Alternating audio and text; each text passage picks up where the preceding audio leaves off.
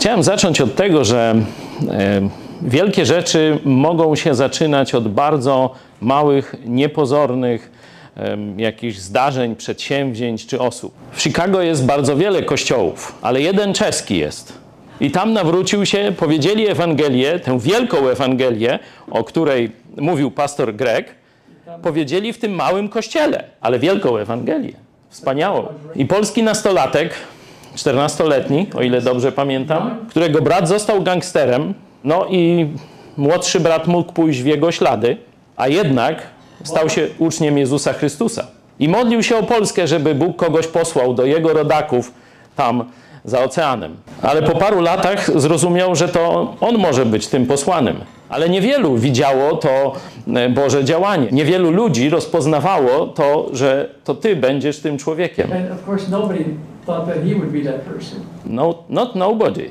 One, one man was, was in, in God's, God's will in, in this project. This one man was at the airport when I left. Dlatego mówię ten wstęp, Greg, żebyś miał świadomość, jaką rolę odegrałeś. Dałeś wielką zachętę Joe. Joe poleciał do Polski, zrobił dobrą robotę, nawrócili się następni w Polsce, między innymi ja, i dzisiaj jesteśmy tutaj w tym gronie. A zaczęło się.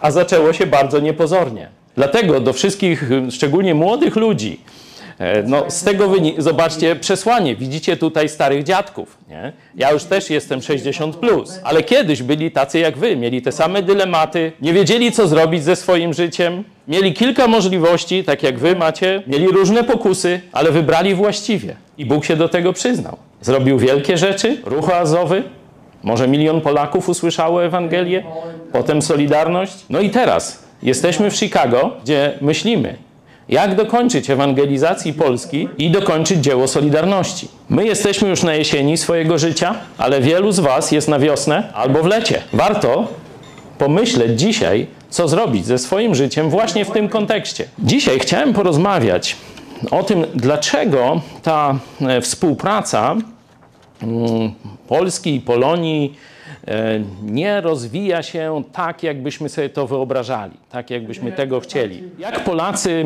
nad Wisłą myślą o Polonii? Ja wiem, wy chyba też trochę. Mają dużo pieniędzy. Niech dadzą. A co myślą Polacy tu, w Chicago, w Nowym Jorku, o Polakach w Polsce? To wy mi powiedzcie. Jaki jest stereotyp? Zawisni, Proszę.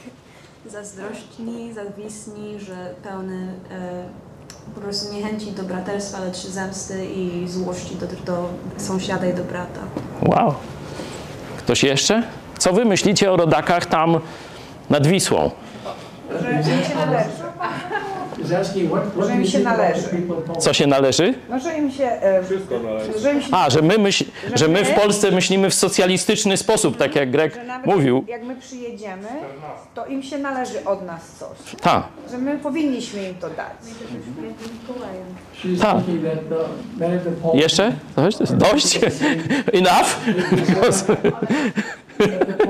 Ola, chcesz- Także widzicie, nie jest dobrze. Nie? Mimo, że mamy wspólną historię, odwiedzamy siebie nawzajem tym samym językiem, mówimy, ale jest pewna bariera, pewna przepaść i ró- różne oczekiwania. Stąd myślę, że to jest jeden z głównych powodów. Oczywiście są inne, ale ten jest główny, że to nie za bardzo wychodzi. Dlatego dzisiaj chciałem, żebyśmy się razem zastanowili nad tym, jak to naprawić. Rozmawialiśmy tutaj z naszymi przyjaciółmi z grup biblijnych z Chicago, z Kanady, z Calgary, z East Coast i to, czego my w Polsce nie za bardzo rozumiemy, a co jest oczywiste, że wy jesteście już Amerykanami, a nie Polakami w, żyjącymi nad Wisłą. Stąd nie wszystkie sprawy, szczególnie drobne, którymi my żyjemy tam w Polsce, są dla was istotne. I oczekiwanie, że wy będziecie się interesowali wszystkim tak, jakbyście żyli nad Wisłą, jest utopią. My nie żyjemy tym, co się dzieje w Ameryce na 100%, tylko gdzieś powiedzmy na 5%. I tak samo Polonia amerykańska żyje Polską w jakiejś tylko części. Nie? Może to jest 5, może 10, może 20, więcej i tak dalej. Podobnie Czesi, Bułgarzy, Słowacy, Łotysze. Dlatego musimy zbudować coś nowego, co będzie dawało korzyść zarówno Polakom, no właśnie, obu stronom, czyli ten stereotyp, że Polonia jest tylko po to, żeby dawać dolary, jest już y, passé. Trzeba to odrzucić. My w Polsce musimy się zastanowić, co my możemy dać Polonii. Oczywiście najcenniejszą rzeczą, jaką można dać drugiemu człowiekowi, to jest powiedzenie mu Ewangelii o darmowym zbawieniu. Dlatego to na Polakach, na, dokładnie na kościołach w Polsce, na kościołach w Polsce spoczywa odpowiedzialność, by dostosować świadectwo ewangelizacyjne do Polaków w Ameryce. Kościoły amerykańskie są głównie pochodzenia anglosaskiego, niemieckiego lub norweskiego, szwedzkiego, czyli z protestanckich krajów mm, Europy. Rzadko która z tych nacji rozumie polską mentalność. Na przykład, dlaczego Polacy są tak mm, gorliwie, emocjonalnie, głęboko związani z religią katolicką. Żyją przecież tu w protestanckim kraju, dookoła protestanckie kościoły, a oni cały czas chodzą do swojego katolickiego kościoła. Why? Być może Część Amerykanów myśli, że Polacy są trochę stupid. Ale kiedy się zobaczy na naszą historię, kiedy nie mieliśmy państwa, bo Rosja z kolegami nam zabrała państwo, oczywiście z naszej winy nie mieliśmy państwa. I rolę państwa zastąpił Kościół katolicki. I powstał mit, że Polak to katolik i że Kościół, jest, Kościół katolicki jest wręcz ważniejszy od państwa. Bo zobaczcie, Kościół przetrwał zabory. Kościół był cały czas z narodem, jak to, jak to Kościół mówi. Państwośmy tracili. Albo uciekał rząd nie, do Londynu, albo znaczy tam przez Rumunię, nie? Próbował, nie? Albo tam go pokonali, nie? Wcześniej. Dla Polaka przeciętnego, nie zagłębiającego się w Biblię i w przyczyny historyczne, Kościół jest najważniejszy. Kościół katolicki jest najważniejszy z jego identity. Dopiero jak się to zrozumie, to można stworzyć metodę ewangelizacji dla Polaków. Macie tam z tyłu e, prezent od Joe, e, książkę Rewolucja Jezusa. Jeden z rozdziałów jest właśnie próbą pokazania Polakom ich prawdziwej historii, także w ujęciu duchowym. O, dzięki, mam tę książkę. Bardzo często też ją pokazuję na naszych programach.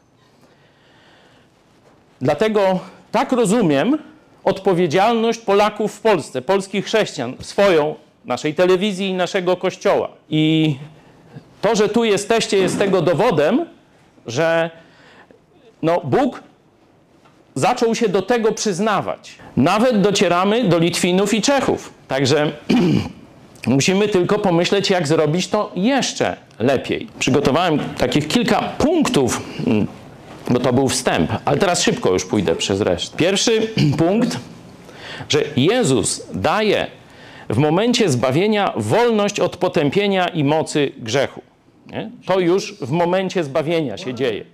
O tym mówił Grek bardzo pięknie i wzruszająco. Dlatego nie będę już tu niczego dodawał. Ale tak jak wczoraj mówiłem w jednym z kościołów na północ od Chicago, też nie będę tego długo rozwijał, tylko zasygnalizuję, konsekwencją wolności w Chrystusie jest dążenie do wolności we wszystkich aspektach naszego życia tu na ziemi. Możemy tylko jako przykład zobaczyć 1 Koryntian 7:15.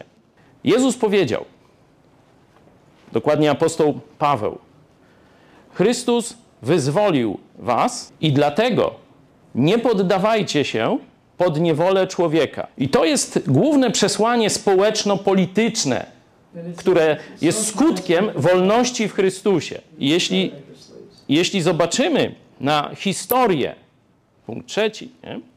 jeśli zobaczymy na historię narodów, gdzie pojawił się odpowiednio duży odsetek ewangelicznych chrześcijan, to te narody wybijają się na wolność na poziomie państwa, na poziomie politycznym i społecznym. Historia Ameryki jest chyba najlepszym tego przykładem. Zanim idee wolności i utworzenia własnego państwa, konstytucji, republiki chrześcijańskiej pojawiły się, to misjonarze chrześcijańscy dotarli do tych prostych ludzi, jakich Anglicy nazywali wieśniatków. Oni uzyskali wolność w Chrystusie przez przyjęcie Ewangelii o darmowym zbawieniu.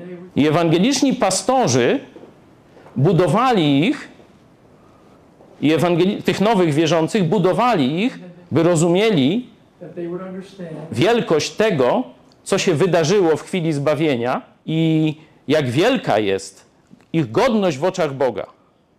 Że nie są niewolnikami, nie są wieśniakami, nie są gorsi od arystokracji i mają prawo żyć zgodnie z tym, jak chcą. Od tego się zaczyna, zdaje się, wasza konstytucja. Wyście zdawali ten egzamin na Amerykanina, ja jeszcze nie. I wiecie, co się stało dalej. Że wiecie, że powstało najpierw lekceważone przez cały świat nowe państwo, a potem to państwo doszło do potęgi zarówno ekonomicznej, społecznej, gospodarczej, wojskowej, wybierz jak chcesz, ale stało się też potęgą misyjną. Wcześniej to narody Europy wysyłały najwięcej misjonarzy. I Ameryka w XIX wieku stała się najbardziej misyjnym krajem świata. Podobną historię w mniejszej skali możemy zobaczyć na przykład w Korei Południowej. Dzisiaj na drugim miejscu to jest naród, który jeszcze 100 lat temu modlił się do kamieni i drzew. Tak jak u nas w Parczewie. Polska dzisiaj znajduje się w fazie przełomu duchowego i cywilizacyjnego. I świat tego nie widzi. Świat widzi Ukrainę, widzi ogromne zmiany duchowe, bo jeszcze przed wojną, kiedy spotkaliśmy się z Joe w 2021 roku, w listopadzie, to Joe opowiedział mi o tym, co dzieje się wśród chrześcijan i wśród Ukraińców, wśród chrze- chrześcijan ukraińskich i narodu ukraińskiego. Wow! cztery uniwersytety chrześcijańskie, być może między pół miliona a milion ewangelicznych chrześcijan, tysiące kościołów. Jak myśmy tego nie zauważyli, ja myślałem. Przecież my mamy tyle samo kościołów, co było w 89 roku. I jeszcze się chlubimy tym, że o, nie straciliśmy dziedzictwa. A na wschodzie w tym czasie dokonał się przełom duchowy. I myślę, że to jest część sukcesu i bohaterstwa Ukrainy w, w konflikcie z Rosją. To duchowe dziedzictwo. I cały zachodni świat to widzi, co się dzieje na Ukrainie. Ale niewielu widzi, że podobne zjawiska, albo przynajmniej e, poruszenie twardej gleby dzieje się w Polsce. To tak jak na wiosnę, zanim się pojawi zboże, to trzeba albo orkę, albo przynajmniej zrobić jakieś kultywatorowanie czy bronowanie. I teraz naszą rolą jest zasiać ziarno w to przygotowaną przez Boga glebę. Mogę Wam pokazać przeróżne statystyki. Tu moja córka Kornelia przygotowała tego naprawdę bardzo dużo. Więcej na ten temat możecie poczytać w miesięczniku Idź pod prąd. Tam regularnie publikujemy te statystyki. Jeszcze nie mamy takiego instytutu w Polsce, jak się w Stanach nazywa, Kornelia? Pure Research i jeszcze drugi, Barda Group. Że jeszcze w Polsce tego nie mamy, ale zaczynamy to robić. I kilka takich zmian. Wyobraźcie sobie, że prawie 3 czwarte Polaków obserwuje u siebie syndromy depresji. Polacy się boją, boją się różnych rzeczy, boją się, że wojna przyjdzie do nas, boją się, że poziom życia totalnie się obniży, boją się o swoją przyszłość, uważają, że politycy prowadzą Polskę w złym kierunku, czyli jest wielkie poczucie niepewności. Rozumiecie, że to jest czas na pokazanie Nadziei i pewności w Chrystusie. Kiedy ludzie są syci, kiedy dobrze im się powodzi, to mają tendencję do myślenia jak ten głupiec w Biblii, w przypowieści Jezusa. Zbuduję jeszcze większe magazyny i będę miał jeszcze lepiej. Nie? A kiedy działania idą w drugą stronę, wtedy dociera do nas, że jesteśmy stworzeniami oddzielony, samotnymi stworzeniami, bezradnymi wobec tego świata. No i zobaczcie, że to jest przygotowanie do głoszenia Ewangelii. Drugim czynnikiem, bo mówię, destabilizacja polityczna i ekonomiczna, to już omówiłem, jest totalna, totalna zmiana w, w nastawieniu do Kościoła katolickiego. Tak jak powiedziałem we wstępie, Polak wyżej traktował Kościół niż państwo. To jeszcze utrzymuje się w starszym pokoleniu. To jeszcze się utrzymuje w dużej części wśród Polonii w Chicago, ale już nie tak na East Coastie. Nie? Tam już troszeczkę bardziej mm, inne kierunki zaczynają myśleć. I oczywiście z tym się będziemy mierzyli. Do tych ludzi też trzeba dotrzeć z Ewangelią. Nie? E, Tu takie programy historyczne. Wasz udział na przykład w Paradzie Pułaskiego w zeszłym, w zeszłym roku, Jacek, czy to już było dwa lata temu? O ludź, ale czas biegnie szybko. Jacek wtedy jako husarz występował. A przepraszam, Piotr, ale twój był strój. Jacek też był jako drugi husarz. Tak. Dwóch husarzy i była delegacja telewizji Idź Pod Prąd, także to jest y, bardziej adresowane do tej tradycyjnie polskiej części społeczeństwa, żeby oni rzucili okiem na to, co mówimy w telewizji. Ale młode pokolenie całkowicie pozostawia Kościół rzymskokatolicki. Udział w mszy, taki pełny, czyli wraz z, z Eucharystią, jest no, największym symbolem bycia katolikiem dla Polaków, nie? że chodzi do komunii. Czy wiecie, ile Polaków nad Wisłą chodzi do komunii? Strzelajcie. Jak wam się wydaje? 16, 17. To jest niezwykłe. Wszystkie statystyki idą w dół. Młodzież nie chce chodzić na religię katolicką w szkołach. Nie ma, nie ma chętnych na księży w seminariach. Są. Są seminaria w całej diecezji, gdzie jeden człowiek się zgłosił na księdza i zamknęli seminarium. Już nie jedno. Tych statystyk mógłbym pokazywać więcej, ale jest ciekawa rzecz. Na przykład w Czechach ludzie nie chodzą do kościoła, ale też nie wierzą w Boga. A w Polsce nawet ta młodzież w dużej części nie chodzi do kościoła, ale wierzy w Boga jeszcze i szuka Boga, szuka alternatywy dla Kościoła katolickiego. Dlatego to jest, myślę, okno, które, się, które Bóg otwiera w historii, podobnie jak było w XVI wieku, kiedy przyszła reformacja i mieliśmy złoty wiek w naszej historii. Drugi taki wspaniały okres był właśnie w czasie, kiedy wysłałeś tu Grek y, Joe do Polski. Yes, we can się trochę uśmiechać, ale to jest w tym dużo prawdy. Spotkanie dwóch osób, zresztą w Lublinie, to jest miasto, z którego my pochodzimy, nasz kościół i telewizja. Spotkanie tych dwóch ludzi na Kulu w Lublinie zmieniło duchową, spiritual nie wiem jak powiedzieć, no, duchowo zmieniło Polskę. Wasze przesłanie było skierowane głównie do młodych ludzi. Bóg przygotował grunt, ale Joe i inni wysłali stu misjonarzy, żeby wyszkolili z kolei tysiące. Yes, of course, you are humbly man, yeah, I know. E, ale bez tego spotkania by tego nie było. To było kolejne po reformacji. Ruch razowy to było wykorzystanie Bożego otwarcia we właściwym momencie czasu. I chrześcijanie z zachodu zrozumieli ten czas wtedy. I w mojej opinii, oczywiście mogę się mylić, dzisiaj mamy podobny czas w naszej historii. Nie mówię tego na zasadzie swojego uczucia czy odczucia, ale myśmy to przetestowali czynem. W 2016 roku wynajęliśmy małe mieszkanie, 30 metrów, wzięliśmy troje ludzi i zaczęliśmy telewizję. Była moja córka, Eunika, ta co na kamerze jest, w zielonym swetrze, jeszcze podam namiary, nie? Ja i Marian Kowalski. Do tego jeszcze był e, człowiek, e, który znał się na technice, jeszcze niewierzący i on powiedział, że on za darmo nam pomoże. Bylebyśmy tylko poprawili ten dźwięk, bo on nie może nas słuchać, a, a chciałby. Także trzy osoby przed kamerą i jedna, później to szybko się zwiększało on the backstage. Nie? I zaczęliśmy nadawać. Not slowly. Dynamic. It was, it was a hurricane. Ja, ja. Daliśmy Bogu mm, 10 dni. Zróbmy eksperyment przez 10 dni. Jeśli to zaskoczy, idziemy dalej. Jeśli nie, idziemy do domu. Zaczęło nas oglądać po tych 10 dniach już chyba, nie wiem, z 500 osób na żywo i 10 tysięcy lub więcej w ciągu całego dnia, każdego dnia. Częścią tego była też zbiórka pieniędzy dla e, tego no, człowieka, który, tego Mariana Kowalskiego, który przez lata e, na ulicach, w różnych manifestacjach, ciągle mówił o wolnej Polsce.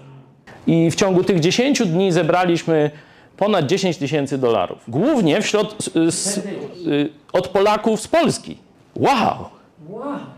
Mówiłem, Polacy w Polsce myślą Amerykanie, give us, nie? Daj, daj. Inni myślą, rząd socjalistyczny, daj nam social justice. Tak jak Grek mówił, nowe garnitury dla każdego, jak na Kremlu, Like, uh, takie wpasy nobody gave us anything. Like, like in the Soviet. i z numerami od razu. Także wiedzieliśmy, że weszliśmy w taką wznoszącą trąbę powietrzną. Skracając, teraz musimy przejść do tego, by z tego takiego pierwszego etapu, tego wzrostu burzliwego i nieplanowanego za bardzo, musimy przejść do bardziej planowanego. Dlatego, między innymi, jednym z celów naszej misji jest zwrócenie się do amerykańskich chrześcijan, by rozważyli wysyłanie misjonarzy nie tylko na przykład do Ukrainy w tej chwili, czy po wojnie, ale także wysłanie do Polski. Nie głównie do głoszenia Ewangelii, ale do pomocy w budowaniu dojrzałych przywódców. Ponieważ Polacy odchodzą od Kościoła katolickiego, wierzą jeszcze w Boga, czyli są w pełnym, otwarci na Ewangelię w jakimś sensie, ale oni nie wiedzą, nie mają gdzie pójść, bo nie ma kościołów chrześcijańskich w Polsce. Ponieważ kościoły w Polsce albo są małe, 20 osób, 15 osób, 10 osób i niestety, czyli w ogóle nie są widoczne w skali społecznej. Do tego jeszcze pastorzy mają dość słabe przygotowanie teologiczne. Będziecie to widzieć, że choć kościoły wydają się być protestanckie, to głoszą katolicką Ewangelię. Tylko będzie się to inaczej nazywało. Dla przykładu będą mówić, że do zbawienia konieczny jest chrzest wodny. Jest to analogia właśnie do katolickiej wiary w moc sakramentów. Będą mówić o konieczności wytrwania, żeby być zbawionym. Jest to analogia do zasługiwania uczynkami w katolicyzmie na zbawienie. Drugim, drugim celem to jest właśnie przygotować nowy rodzaj relacji Polonia-Polska, żeby e, wymyśleć sposoby, w jaki sposób zaangażowanie Was w Polskę ma się Wam opłacić. Chciałem podkreślić, że myślenie w tych kategoriach absolutnie nie jest niemoralne albo nieduchowe. W tej części chciałem, żebyście Wy też zabrali głos. Ja przedstawię kilka propozycji takich wspólnych przedsięwzięć, które mogą być korzystne dla obu stron. Idea korzyści na pewno nie jest Boża w relacji Bóg-człowiek. To właśnie diabeł tak mm, oskarżał ludzi, Hioba konkretnie, że ty, że on ci służy dlatego, że ty mu błogosławisz. I Bóg powiedział, no to sprawdź. No i wiemy, jaki był owoc. Apostoł Paweł, kiedy siebie przedstawiał, przedstawiał siebie jako niewolnika Chrystusa. Mówił też o sobie jako o dłużniku tych, którzy nie słyszeli Ewangelii. Także Jezusowi służymy z wdzięczności i miłości za to, co dla nas zrobił, za zbawienie. Ale nawet w relacjach z Bogiem widzimy ten element benefitu. O czym są obietnice, które Bóg dawał czy w Starym, czy w Nowym Testamencie. Pewne korzyści Bóg daje bezwarunkowo, a niektóre są warunkowe. W relacjach człowiek-człowiek, jeśli korzyść jest jednostronna, to nazywamy to wykorzystaniem. Nie? Dlatego powinniśmy budować takie relacje, żeby obie strony czuły się dowartościowane, em, wiedziały, że otrzymują w tej relacji korzyści, dają i biorą. Tak jak na przykład apostoł Paweł jechał do Rzymu, mówi: Idę się zbudować tym, co wy mi dacie, i idę zbudować was tym, co ja mam. Po tym pierwszym e, zachwycie z waszej strony, że powstała taka telewizja, na którąście czekali 7 lat temu, mieliśmy różne koleje i historyczne, i też naszych relacji, e, ale teraz myślę, że dojrzeliśmy do budowania e, długoterminowych relacji zbudowanej na wzajemności. Jeden z naszych pastorów, my nie mamy ich stu, mamy czterech, w tym jeden młody nie? i paru dziadów. Stąd jednego wysłaliśmy do Was, czyli wysyłamy go bardzo często e, i sami wiecie, że to jest korzystne dla Was, nie? że for you. for us, difficult. I always waiting when when Radek come back from this U- USA. So it's it's difficult, but we manage it. Także to jest pierwsza rzecz. No, ten nasz przyjazd ma uruchomić następne projekty. Byliście już też kilkakrotnie w Lublinie, w naszej siedzibie, na obozach.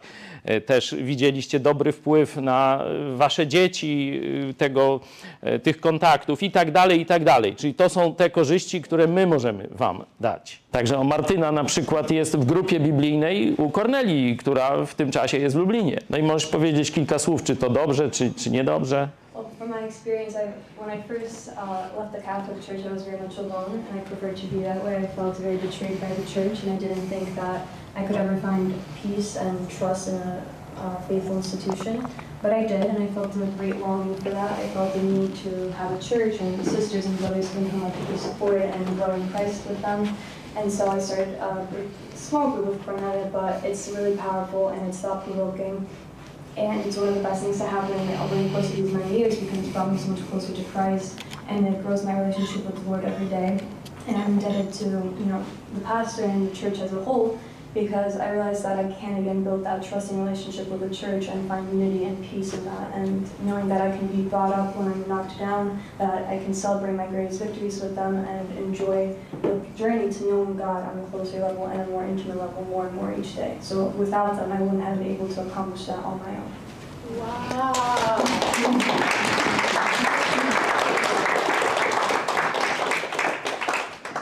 Także sami widzicie, że to działa, to się dzieje.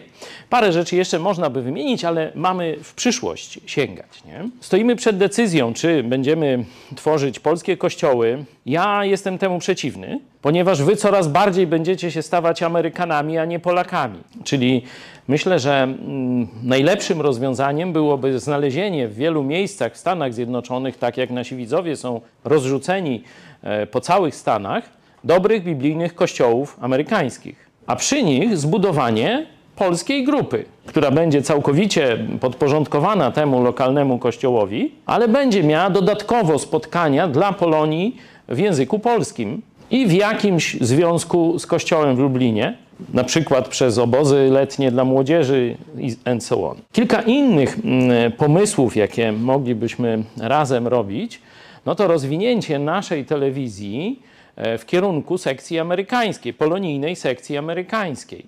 Dlatego zachęcam Was do em, rozważenia kariery medialnej. I wiem, że kilka osób z Was ma naprawdę no, duży potencjał, a inni mogą to odkryć jeszcze. Kolejna rzecz mm, to e, są firmy polsko-amerykańskie. Było kilka takich projektów, nawet filmy kręcono o tym. Przyjechał Amerykanin, Polak y, z, z, no, z USA z jakimś tam kapitałem. Jak się film skończył? Wrócił jako golas. Co? O, oskubali go. E, Ale tak jest, no, ludzie jak widzą duże pieniądze, to zaraz oszuści się tam piersi zameldują. Dlatego potencjałem Kościoła jest łączenie ludzi, którzy ufają sobie nawzajem i mają wysoki poziom moralności. Spora część z Was myśli już o emeryturze i to ze względu na różne czynniki społeczne nie są duże pieniądze zwykle. Dlatego wielu z Was też myśli o jakimś przychodzie na starość.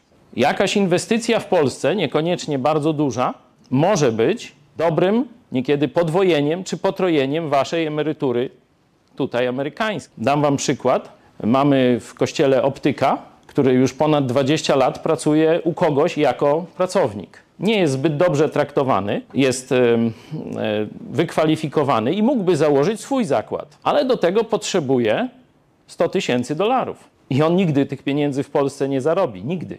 Czyli będzie do końca pracownikiem, no nie na swojej firmie, tylko pracownikiem u kogoś i dostanie emeryturę na poziomie 500 dolarów miesięcznie. Dlatego też e, takie połączenie wysiłków może dać nawet dość szybko obu stronom bardzo dobre rezultaty. Takich przykładów mógłbym dać więcej. Ten jest y, no, pierwszy z brzegu. Oczywiście także w dziedzinie budowlanej, w dziedzinie tam, przetwórstwa spożywczego mamy pewne możliwości. Jeśli jesteście zainteresowani, czy wasi znajomi, za których, no, których znacie od lat i wiecie, że to są uczciwi ludzie, to można o tym, o tym rozmawiać. Czyli e, firmy polsko-amerykańskie, telewizja polsko-amerykańska, no i szkoła. Trzeci problem to jest, trzeci poziom to są szkoły. Tu macie problem ze szkołami. Być może, być może dobrą opcją byłoby budowanie sieci, najpierw jednej, a potem sieci szkół z językiem polskim dodatkowym i oczywiście z mocnymi wartościami chrześcijańskimi. To by była też, zobaczcie, jak wielka platforma ewangelizacyjna, bo przy szkole zawsze gromadzą się rodzice, rodzeństwo, ciotki, wujki, są różne imprezy, gry w piłkę i tak dalej. I to jest okazja do budowania relacji. Nie? To w Polsce też następuje przełom odejścia od państwowej szkoły. Prawie wszystkie dzieci w naszym kościele są w edukacji domowej, ale myślimy o zakładaniu właśnie chrześcijańskiej szkoły. Powołanie szkoły polsko-amerykańskiej byłoby bardzo dobrym rozwiązaniem z różnych powodów. Nie będę wchodził w szczegóły, bo jak ktoś zainteresowany, to chętnie powiem więcej. Przyjeżdżacie do Polski no, odwiedzić swoją rodzinę z ciała. Wielu z Was też no, chce pokazać Polskę swoim dzieciom, ale są i bardziej, bardziej przyziemne cele, na przykład wyleczyć zęby. Dlaczego by nie zbudować takiego chrześcijańskiego ośrodka, gdzie można przyjechać, mieć dobre warunki, wspólnotę z chrześcijanami i od razu sprawdzonych lekarzy, w zależności od specjalności, jakie są Wam potrzebne. I wszystko można by zrobić w ciągu tego jednego czy dwóch tygodni w Polsce. Kolejny sposób, no to moglibyśmy rozważać wspólne spędzanie urlopów. Amerykanie mają dużo mniej czasu niż y, Polacy nad Wisłą. My mamy dużo wolnych dni, tam połowa roku to są same święta kościelne, jakieś państwowe, cały czas wolne. A do tego jeszcze różne urlopy, wakacje, ferie, święta. Wiecie sami zresztą jak jest, nie? Tutaj macie naprawdę bardzo ograniczony czas. Dziękuję, że dzisiaj poświęciliście ten czas holidayu właśnie dla nas, na, na spotkanie. No ale zwykle każdy z Was gdzieś jedzie na jakiś urlop na tydzień, dwa, czy na Florydę, czy, czy do Grecji teraz, czy gdzieś tam, nie? Jeśli Wam zaproponujemy, no, przeznaczcie tydzień na obóz chrześcijański, to część z Was stoi przed wyborem. No, wakacje albo obóz chrześcijański. A gdyby to połączyć, moglibyśmy mieć dwa w jednym. W ciągu tygodnia mieć i odpoczynek w jakimś ładnym miejscu, i wspólnotę z braćmi, i jakąś zamiast rozrywki niekiedy niezbyt mądrej, moglibyśmy mieć rozrywkę nad Słowem Bożym albo śpiew, wspólnym śpiewem i tak dalej. Zresztą wiecie, bo u Was, kiedy przyjeżdżamy, no to takie wieczorki się odbywają. To tylko kilka jakichś możliwości, gdzie moglibyśmy rozpocząć, można powiedzieć, ten nowy etap żeby to już nie było tylko takie e, korzystanie z waszego dorobku, ale też i e, danie wam takiej jasnej świadomości, że to jest dla was korzystne, że to jest korzystne dla was, dla waszych małżeństw, dla waszych dzieci i tak dalej.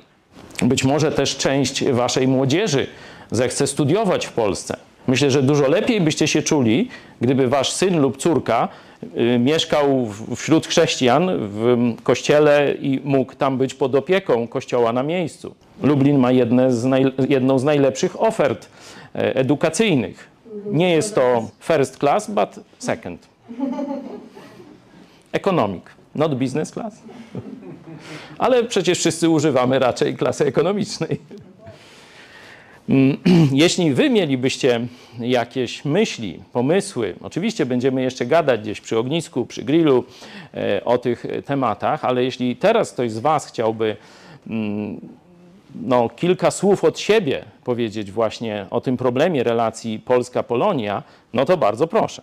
Problemów to może mm, mm, się nie wypowiadał tak bardzo, ale no co byśmy potrzebowali od y, Kościoła z Polski, to mamy bardzo wiele już pomocy, ale myślę, że mm, bardzo by nam się przydał właśnie pastor taki na stałe, dla Polaków, y, taki mobilny, żeby właśnie mógł jeździć czy na East Coast, czy tu, ale żeby było to y, no, gdzieś tu na miejscu, a no, żeby po prostu to częściej było, nie? Bo tak y, y, mm, no, spotykamy się, zjeżdżamy się razem, ale to jest taki powiedzmy tam raz w miesiącu, nawet niech, niech będzie, ale to jest nie, niewystarczające jakby, nie? Pasowałoby przynajmniej raz w tygodniu, tak żeby to, czy, czy to jedna grupa, czy druga grupa, ale wiedząc o tym, że tutaj ktoś jest i, i to by wyglądało inaczej. Tak myślimy. Często o tym mówimy też, tak. Ja myślę, że, że zgadzam się z Jackiem, że, że, że taki ktoś bardziej na stałe jakby y, tylko, że to się kłóci y, z, tą propozycją, co ty mówiłeś, żebyśmy się do, dołączali y, do tutejszych kościołów. Myśmy zwiedzili na przykład, my jesteśmy z Calgary, no myśmy zwiedzili tam dość dużo kościołów i tak szczerze mówiąc cienko z dobrym kościołem. Yy, ale myślę, że taki, taki pomysł, żeby ktoś tu na stałe właśnie taki, taki był jakby dyżurny, może nie nawet tyle co na stałe, ale, ale taki w dłuższym okresie czasu, zawsze, zawsze by to jakby wzbudziło w nas jakiś taki może y, większe poczucie, że ktoś nad nami czuwa, czy, czy coś takiego. Także to, to jest dobry pomysł. Ale myślę, że, że też powinniśmy myśleć, że, że jednak właśnie tak jak mówiłeś, właśnie te wyjazdy na jakieś, na jakieś y, spotkania, wakacje, to jest bardzo dobry pomysł, bo, bo mimo wszystko tam też mamy tą dużą wspólnotę, nie taką choćby nawet minimalną, ale maksymalną, gdzie, gdzie dużo osób się spotyka, są różne rozmowy i różne rozważania i to na pewno, na, na pewno jest potrzebne. Zresztą tutaj kościoły podejrzewam na tej samej zasadzie działają, że, że każdy kościół tam organizuje właśnie jakieś wakacje dla dzieci czy coś i, i to jest bardzo dobre i myślę, że bardzo potrzebne nam i wszystkim ludzie w Chrystusie. Czyli mobilny pastor. No dobra, będziemy, będziemy o tym myśleć. Myśleliśmy też o wspólnych przedsięwzięciach misyjnych w Polsce, ale to jeszcze myślę kiedy indziej porozmawiamy. Traktuję tę rozmowę jako wstęp i liczę na więcej na naszych następnych spotkaniach. Apostoł Paweł spotykał się na dwa sposoby z chrześcijanami, którym głosił Ewangelię.